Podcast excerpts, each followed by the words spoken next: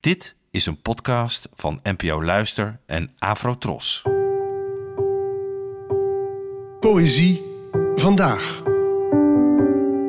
Met Ellen Dekwits.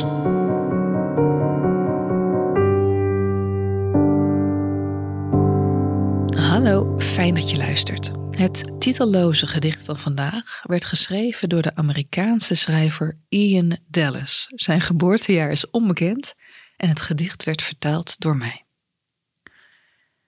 Ik moet ophouden met telkens dezelfde dag te beleven, zelfs al blijf ik erin.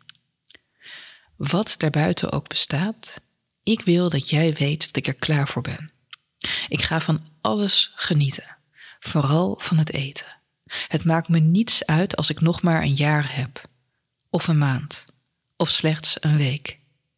Ik koester elke extra dag. Ik voel haast, de zon al op mijn gezicht. De kans is heel groot dat zelfs de meest doorgewinterde poëziekenner nog nooit van de auteur van dit gedicht, Ian Dallas, heeft gehoord. En sterker nog, ik denk dat de kans groter is dat eerder het gamende neefje of nichtje van deze meest doorgewinterde poëziekenner de schrijver in kwestie wel kent. Want eh, dit gedicht komt uit een game het veelbejubelde What Remains of Edith Finch uit 2017. En het is nog steeds voor de liefhebber te spelen op de PlayStation 4 of gewoon op je laptop.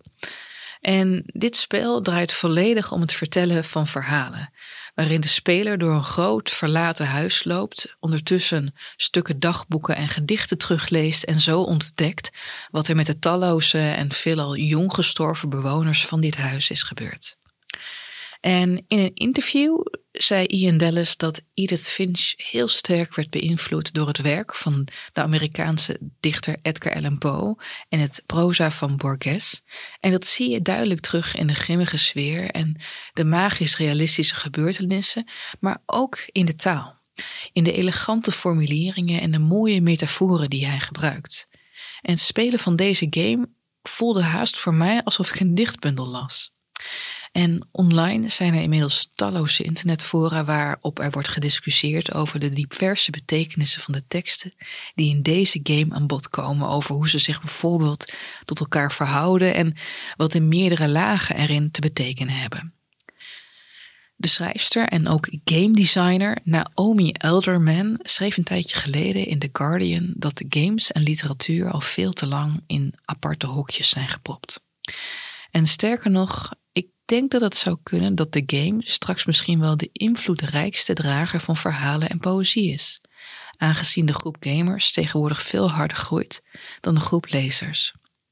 En spellen als Edith Finch tonen aan dat het alles behalve het einde van de poëzie hoeft te zijn.